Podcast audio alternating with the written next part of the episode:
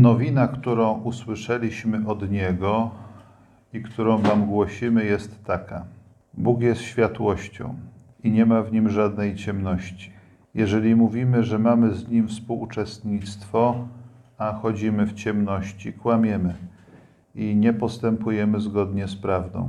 Jeśli zaś chodzimy w światłości, tak jak On sam trwa w światłości, to mamy jedni z drugimi współuczestnictwo, a krew Jezusa, Syna Jego, oczyszcza nas z wszelkiego grzechu. Spróbujmy popatrzeć na te podstawowe pojęcia, którymi posługuje się apostoł i zobaczmy, w jaki sposób dostępne są one w naszym codziennym życiu, w jaki sposób możemy się nimi posługiwać, jeśli tak można trochę roboczo powiedzieć.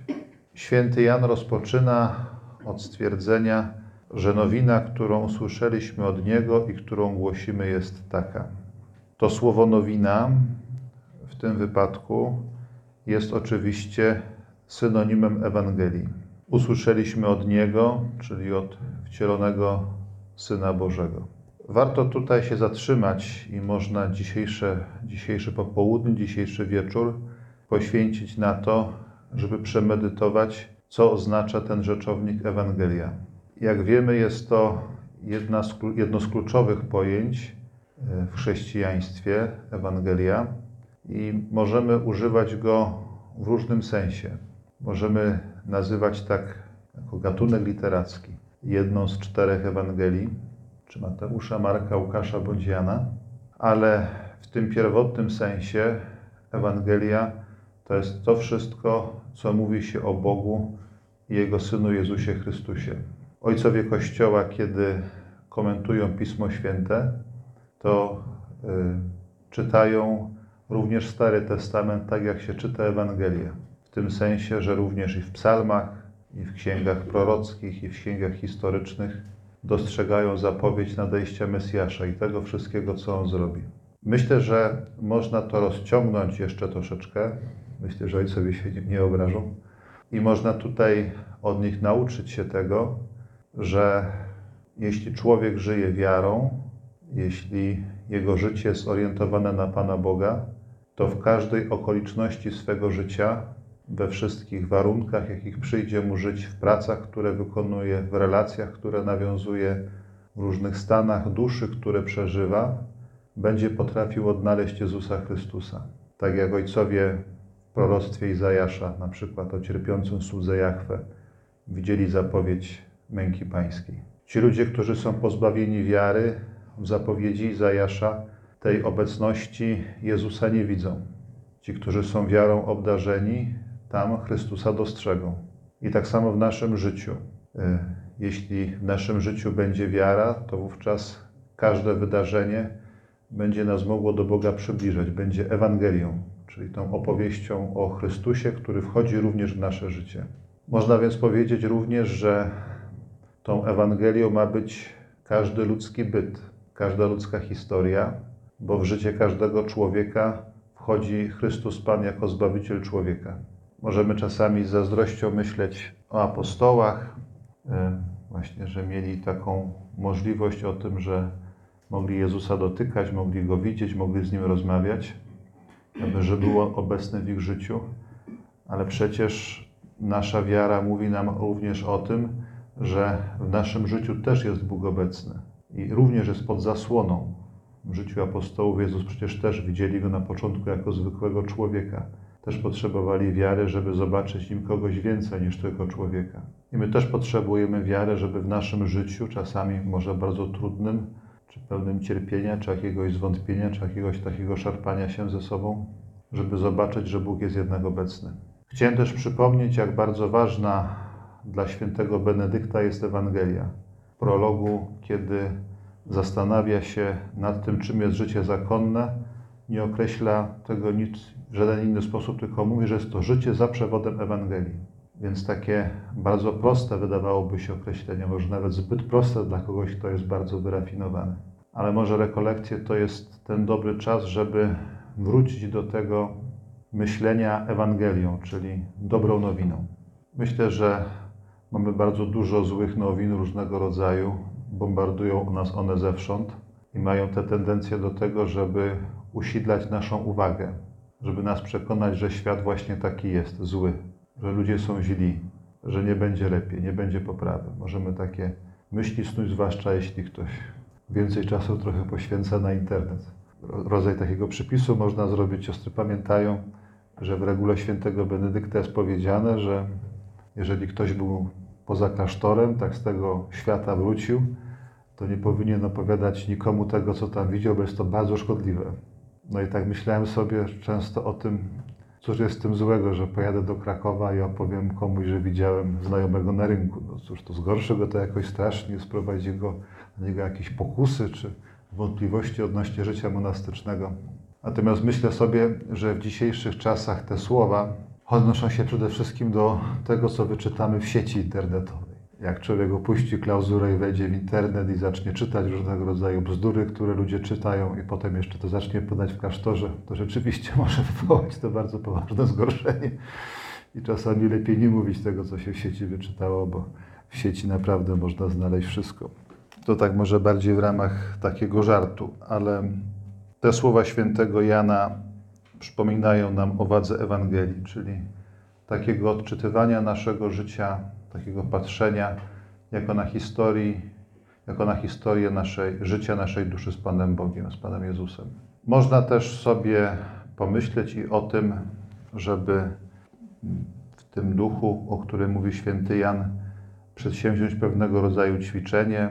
Myślę, że jest ono bardzo proste, a może przynieść naprawdę błogosławione owoce, jeśli rzeczywiście chcemy zacząć poważnie żyć Ewangelią, to można to wezwanie Janowe potraktować bardzo dosłownie, czyli każdego dnia, bez względu na wszystkie inne nasze zobowiązania, czytać sobie jeden rozdział Ewangelii. Każdego dnia jeden rozdział po kolei, od pierwszego rozdziału Mateusza do ostatniego rozdziału Jana. I potem, kiedy człowiek skończy Jana, zacząć znowu od Mateusza. Każdego dnia jeden rozdział, żeby wejść w taką bardzo osobistą relację z Chrystusem, który jest obecny na kartach tych czterech świętych ksiąg. Może właśnie to nam pomoże zobaczyć, że nasze życie również ma być Ewangelią, tą dobrą nowiną, o której, o której święty Jan tutaj pisze. Pomyślmy też tutaj o świętym Janie, właśnie o tym tytułem, którym go często obdarzamy jako o ewangeliście. I pomyślmy sobie o tym, że każdy z nas ma stać się takim ewangelistą. Święty Jan potrafił tak opisać doświadczenie swego życia, że w centrum tego, co najważniejsze, co mu się przydarzyło, opisał Chrystusa Pana. Sam zupełnie schował się w cień. Ale wiara podyktowała mu takie widzenie jego życia, że w centrum był Bóg. I w pewnym sensie jest to dla nas zaproszenie, żebyśmy w taki sam sposób prowadzili myślenie o nas, o naszym życiu, żeby w centrum tego naszego życia, tego naszego myślenia był obecny właśnie Bóg, nikt inny. Wtedy możemy powiedzieć, że również stajemy się ewangelistami, czyli opowiadamy dobrą nowinę. Z drugiej strony, jakby tej dobrej nowiny, wiemy, że staje ta opowieść o kuszeniu pierwszych rodziców w raju, kiedy oni próbują postawić samych siebie w centrum. I wiemy, w jaki sposób to się kończy. To jest jakby taka Ewangelia do góry nogami, takie ostrzeżenie. Jest zatem pytanie, w jaki sposób będziemy starali się to wszystko wypraktykować i w sposób to wszystko przeżyć. Po drugie, święty Jan mówi nam o tym, że te Ewangelie, zresztą tak samo jak święty Paweł, tę Ewangelię, którą mówi, tę nowinę, którą przepowiada, nie usłyszał od kogo bądź, ale od samego Boga. No my nie jesteśmy w takiej sytuacji, żebyśmy od samego Chrystusa Pana mieli usłyszeć Jego Ewangelię i dlatego rozsądek nakazuje, żebyśmy postępowali tak, jak wszystkie dzieci Kościoła postępowały przez wieki, czyli żebyśmy byli uczniami apostołów i świętych. Bardzo często możemy mieć pokusę co do tego, żeby słuchać jakby takich nowych proroków, e, jakichś rzeczy, które wydają nam się bardziej atrakcyjne. Pamiętam kiedyś spotkałem jedną osobę, która mówiła, a że katechizm to, to nie, tam Pismo Święte to nudne, ale tu jest taki brat, tam wymieniła imię, z Włoch, który przyjeżdża do Polski i pokazuje zdjęcie, które zrobił Chrystusowi Panu. To jest prawdziwe zdjęcie Pana Jezusa, bo on mu się objawił, Pan Jezus temu bratu i on miał aparat i on zrobił to zdjęcie i to zdjęcie czyni cuda. Więc jakby wiara może wejść w każdą formę dziwactwa, również wiara chrześcijańska. I dlatego to przypomnienie świętego Jana, że głosimy Ewangelię, którą usłyszeliśmy od Niego i żebyśmy trzymali się jako wierne dzieci Kościoła przede wszystkim tego, co Kościół głosi przez swoje magisterium swoich świętych, co mówi przez Pismo Święte do nas. Żeby nie szukać nie wiadomo czego, cudów, wianków, tylko trzymać się zdrowej doktryny, takiej, która jest pewna, czyli przede wszystkim doktryny przekazanej nam przez świętych ludzi. Po trzecie, tutaj święty Jan daje nam, jak można powiedzieć, syntezę swojej Ewangelii, tego, co chce nam przekazać. I to przekazanie nam mówi, ta, i to jakby to zdanie, w którym jakby synt, robi tą syntezę Ewangelii, mówi: Bóg jest światłością i nie ma w nim żadnej ciemności. W ten sposób streszcza to, co Jezus mu przekazał, to, czego, do czego on doszedł, przebywając w jego towarzystwie. Bóg jest światłością i nie ma w nim żadnej ciemności. Czytać i rozważać te słowa w święto przymienia Pańskiego jest rzeczą bardzo szczególną, kiedy właśnie to niestworzone światło taboru, które tak pociągało mnichów wszelkich czasów, no tak do nas może bardzo w sposób szczególny przemawia. Myślę też, że tutaj dla sióstr, siostry każdego dnia adorują Chrystusa w Najświętszym Sakramencie, bardzo często w formie właśnie słońca, gdzie jakby to światło jest nam pokazane może w taki bardziej fizyczny sposób, ale przypomnienie tego, kim Chrystus jest. Zastanówmy się, co to takiego znaczy, że Bóg jest światłością, a nie ma w nim żadnej ciemności. To jest wyznanie wiary, które wielu ludziom może wydawać się urągające zdrowemu rozsądkowi, a jednak jako chrześcijanie z całych sił właśnie przy tym chcemy trwać. Mówimy, że Bóg jest światłością, przede wszystkim, czyli to, że Bóg jest dobry. Wielu ludzi powiedziałoby dzisiaj odwrotnie, jeśli by powiedzieli w ogóle, że jest Bóg. Ale my chcemy być świadkami tego, że Bóg jest dobry. Co więcej, oprócz tego, że jest dobry, wyznajemy Go również jako tego, który jest bogaty w miłosierdzie. Słowo dobry może nam się kojarzyć z jakąś taką słabością czy pobłażliwością, ale dobrze, żeby miłosierdzie kojarzyło nam się przede wszystkim ze zrozumieniem. Jak rozbłyska światło, jak chodzimy po ogrodzie, to widzimy od razu, że wszystko rośnie. Ten, kto żyje w promieniu Boga, rośnie, wzrasta, dojrzewa, jak owoc na drzewie. To znaczy właśnie, że Bóg jest dobry, że człowiek ma odwagę żyć. Można to powiedzieć troszeczkę tak, troszkę przez analogię. Moja znajoma studiowała kiedyś na uniwersytecie w Aberdeen, to jest już tam wysoko w północy, na północy Szkocji, gdzie są już długie noce. Więc są jakby takie chwile, kiedy rzeczywiście przez większą część dnia jest bardzo, bardzo ciemno. I jednym z jej kolegów był na studiach był Włoch pochodzący z Neapolu, gdzie tego słońca znowu jest bardzo, bardzo dużo. No i kiedyś nie przyszedł na zajęcia, na ćwiczenia, no i prowadzący się pyta, gdzie jest Carlo, a cała grupa mówi, że ma depresję i poszedł na solarium, żeby trochę nałapać tego światła, bo już po prostu go to, ten mrok szkocki już go wykończył. I w pewnym sensie tak możemy na to patrzeć, że kiedy przebywamy jakby w promieniach Pana Boga, w tym świetle Pana Boga, człowiek ma siłę żyć. I co więcej, nie tylko sam ma siłę żyć, ale też innym dawać życie. Ludzie aby też to czują intuicyjnie, nie? dlatego na przykład siostry czasami mają powierzone takie tajemnice, jakich nawet ksiądz w konfesjonale nie usłyszy. Bo ludzie jakby intuicyjnie czują, że siostry jakby są poświęcone Panu Bogu i jakby w cudzysłowie opalają się przed Najświętszym Sakramentem. Więc jakby są siostry na tyle blisko Pana Boga, że właśnie siostrom ludzie różne swoje bóle mogą powierzyć. Żeby siostry powierzyły to Panu Bogu. Bo ten, kto ma życie, da życie. My czerpiemy je od Pana Boga i mamy przekazywać je dalej. To właśnie znaczy, że Bóg jest światłością. Ale też znaczy, że jest miłosierny, czyli właśnie rozumiejące. Mamy światło, mamy nie tylko życie, mamy nie tylko wzrost, ale wszystko widać. Jak zgasimy światło w pokoju, to to nie ma nic jak jest piękny dzień, piękny słoneczny dzień, to widać dużo więcej niż wtedy, kiedy jest pochmurno, a zwłaszcza wtedy, kiedy jest noc albo świeci księżyc, czy tylko same gwiazdy. I tak samo, kiedy Bóg jest obecny, im bardziej jest obecny w naszym życiu, tym lepiej je rozumiemy. Więcej widać. To właśnie znaczy, że Bóg jest miłosierny. To jest to, co psalmista tak określa, mówiąc: W Tobie jest źródło życia i w Twojej światłości oglądamy światło. Ale świętemu Janowi to jest mało, kiedy mówi o tym, że Bóg jest światłością, bo chce ludzi namówić na to, żeby w tej światłości chodzili, czyli żeby chodzili w Bogu. To jest bardzo podobne stwierdzenie co do tego, o którym powiedział święty Paweł na Areopagu, że w Bogu żyjemy, poruszamy się i jesteśmy. Tutaj Paweł, Jan mówi o tym, że w tej światłości mamy chodzić. I z tego zdania być może wynikają takie stare bardzo rzeczy, które przecież bardzo dobrze znamy jeszcze z czasów nowicjatu, jak nas uczono. Podstawowe praktyki życia monastycznego. Trwać w Bożej obecności, chodzić w Bożej obecności. Pamiętam jeden z, najpi- z najpiękniejszych tomów wierszy, które kiedyś czytałem. Tytuł tego tomu był Chodzić po ziemi jak po świątyni. To jest też ta zmiana, która dokonuje się wraz z Chrystusem Panem, który staje się człowiekiem i uświęca cały świat, zwłaszcza wtedy, kiedy wchodzi w wodę Jordanu. Jakby cała ziemia staje się Jego świątynią. Psalmista w jakiś sposób to wyczuwa, kiedy mówi pełna jest ziemia łaskawości Pana. Chodzimy też tej Bożej światłości wtedy, kiedy modlimy się aktami strzelistymi w ciągu dnia. Staramy się ten kontakt z Bogiem podtrzymywać. Wtedy, kiedy adorujemy Chrystusa w Najświętszym Sakramencie, wtedy, kiedy widzimy w bliźnich obecność żywego Boga, zwłaszcza w tych, którzy są najbliżej nas, naszych współbraciach, naszych współsiostrach. Ale można powiedzieć, że są takie trzy, trzy podstawowe gesty, które nas nauczą tego, tego trwania w Bożej obecności, tego chodzenia w światłości. To jest jakby w ciągu dnia, kiedy postępujemy naprzód, idziemy naprzód, wtedy, kiedy staramy się czynić akty wiary, nadziei i miłości. I te akty wiary, nadziei i miłości zawsze mogą mieć jakby trzy ostrza, one mogą być zwrócone w trzech kierunkach.